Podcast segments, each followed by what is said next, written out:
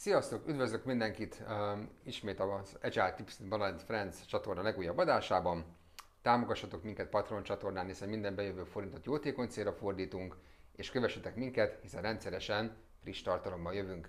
A mai vendégünk Tornai Dávid, és a, a, a mára rendelt témánk a lean, agilitás és a sales értékesítés um, talán rejtélyesnek tűnő kapcsolata, illetve az abból fakadó rendszer szintű problémák, és hogyan tudjuk azokat megszólítani. Üdvözlök mindenkit, sziasztok! Kettő mondatban, lehet négyben is, mutatkozz be, csak egy fú, röviden. Sziasztok, Tornai Dávid vagyok, több mint 20 éve foglalkozom kereskedelemmel, üzletfejlesztéssel, omnichannel sales trade marketinggel és általában az üzletfejlesztésnek, különösen az értékesítés támogatási és értékesítés növelési részével foglalkozok. Nagyvállalati háttérből érkezek, ugyanakkor sikeres startupokat is indítottam, tehát mind a kicsi, mind a nagyvállalati igényekkel tisztában vagyok, és gyakorlatilag az agile az értékesítésben, vállalatfejlesztésben, üzletfejlesztésben is az elmúlt pár évben mindenhol megjelent, mind kis, mind nagyvállalati háttérben, ezért kezdtem el is ezzel foglalkozni. Így van, és uh, a, mit ad Isten kapcsolatunk sok évtizedre nyúlik vissza, tekintve, hogy testvérek vagyunk. Ezzel valószínűleg majd előbb-utóbb rájöttök a, az e-mail címekből.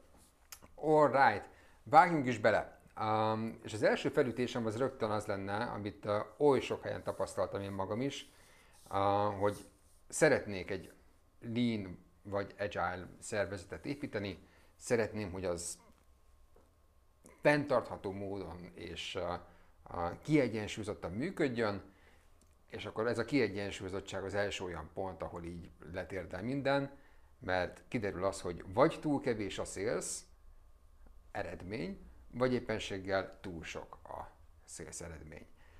Uh, ugye, melyik a rosszabb? ha egyáltalán van értelme a kérdésnek. Abszolút van értelme a kérdésnek.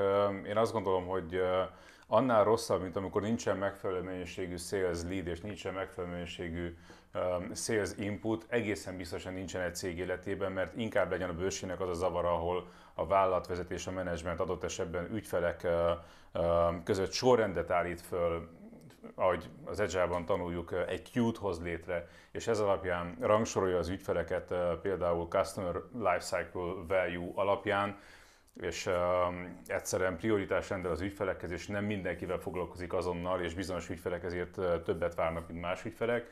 Ez még mindig egy szerencsésebb helyzet, mint amikor nincsenek uh, uh, sales vagy kevés a lead. Okay mert ebben az esetben vagy a szolgáltatás nem megfelelő, a piacnak nincs rá szüksége, vagy nincs abban a formában szüksége, vagy a marketing nem megfelelő, vagy a sales leadek generálása, feldolgozása valahol félrecsúszik, tehát azt gondolom, hogy ha nincs megfelelő mennyiségű sales lead, annál rosszabb szituáció nem lehet egy vállalat életében. Oké, okay. akkor tegyük félre azt az a helyzetet most, amikor uh, uh, túl sok uh, leadet hozott be a sales, és azért nem tudjuk őket, az ügyfeleket kiszolgálni kellő tempóban, mert hogy egyébként itt túl sokan vannak, hosszú lesz a queue, ugye, ugye a sor.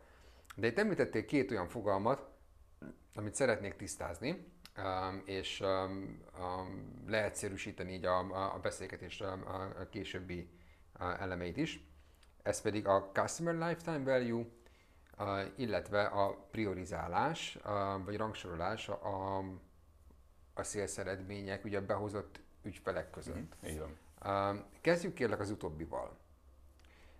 Mi alapján, vagy miért akarsz te egyáltalán a rangsorolni az ügyfelek között? Tehát igazából jött a lead, szolgáljuk ki. Jött a, a, a megrendelés, szolgáljuk ki. Hol van itt a szükséges rangsor?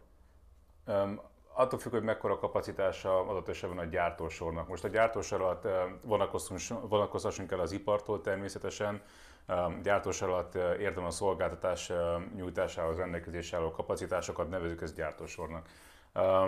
Amennyiben ez skálázható, akkor nincsen probléma. Ha több a lead, mint az aktuális kapacitásunk, akkor felskálázunk a teljesítményt. Például egy call centernél felveszünk több operátort. Nem skálázható.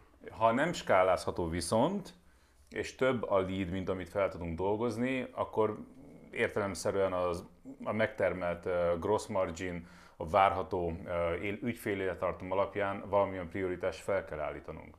Oké, okay, um, tehát ügyfél élettartam, ameddig ő házon belül nálunk termel. Mondom, ez a, a, az időintervallum.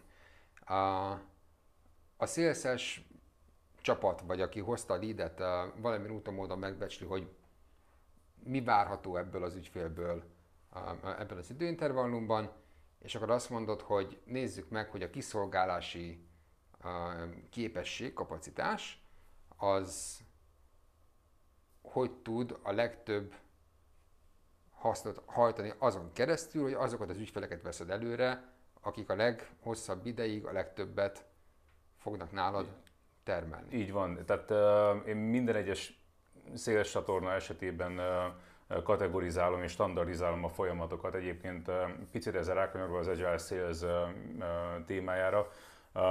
A legfontosabb, hogy milyen értéket teremtünk az ügyfél számára, illetve milyen standardizációs, bocsánat, standardizálási lehetőségek vannak a rendszerben. Hogyan tudjuk a, a beérkező ügyfeleket a lehető legstandardabb folyamatok között kiszolgálni és kategorizálni. Ez a Key Account Managementnek is egyébként a, okay. a, az alap stratégiája. Melyik ügyfélről mekkora bevétel várható, milyen költség és nyereség hányaddal, és ez mekkora erőfeszítés, illetve erőforrás társul. Oké. Okay. Mit jelent az a szó ebben a kontextusban standardizáció? Mit akarsz standardizálni? A folyamatokat. Leginkább a, mind az értékesítés folyamatát, mind az ügyfél kiszolgálás és az ügyfél kezelésének a folyamatát. Um, sokszor halljuk ugye a salesben, hogy a sales nem egy ipari termelés, minden sales folyamat, minden um, akció, az értékesítő és az ügyfél között más és más, ez egy művészet, ez, ez nem egy termelőipar, ahol óránként kettő darab autó legördül a gyártósorról, az értékesítés nem lehet korlátok és folyamatok közé terelni. Ez, ez abszolút fals, ez egyáltalán nem így van.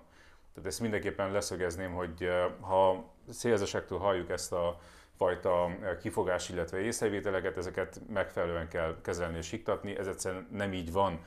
Minden értékesítési folyamat standardizálható, folyamatokat lehet rá fölépíteni, a kapcsolatfelvételtől kezdve az ügyféle való szerződéskötésen át, az ügyfél kifogásainak, észrevételeinek becsatornázása, kezelése, utánkövetése, churn management, churn stratégia, ügyfél visszaszerzés, winback, továbbajánlások, ez mind-mind az értékesítési folyamat, illetve az after sales processnak a része, és ennek a, az elemei gyakorlatilag kivétel nélkül standardizálhatók, mederbe terelhetők, és a szélzesek erre képezhetőek és betaníthatóak, és nem csak betaníthatóak, ezt meg is kell tenni. Ellenkező esetben a rendszerből hiányzni fog egy rendkívül fontos elem a transzparencia az, hogy az adott célzás ténylegesen mit termel, mit tud termelni, és megfelelő standard ellenőrizhető folyamatok és kpi nélkül a transzparencia nem áll rendelkezésünkre. Hamarosan újabb része jelentkezünk,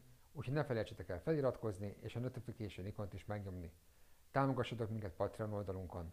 Sensei szintű támogatóink a leírásban. Köszönjük, nélkületek nem menne. Minden bejövő forintot jótékony célra fordítunk.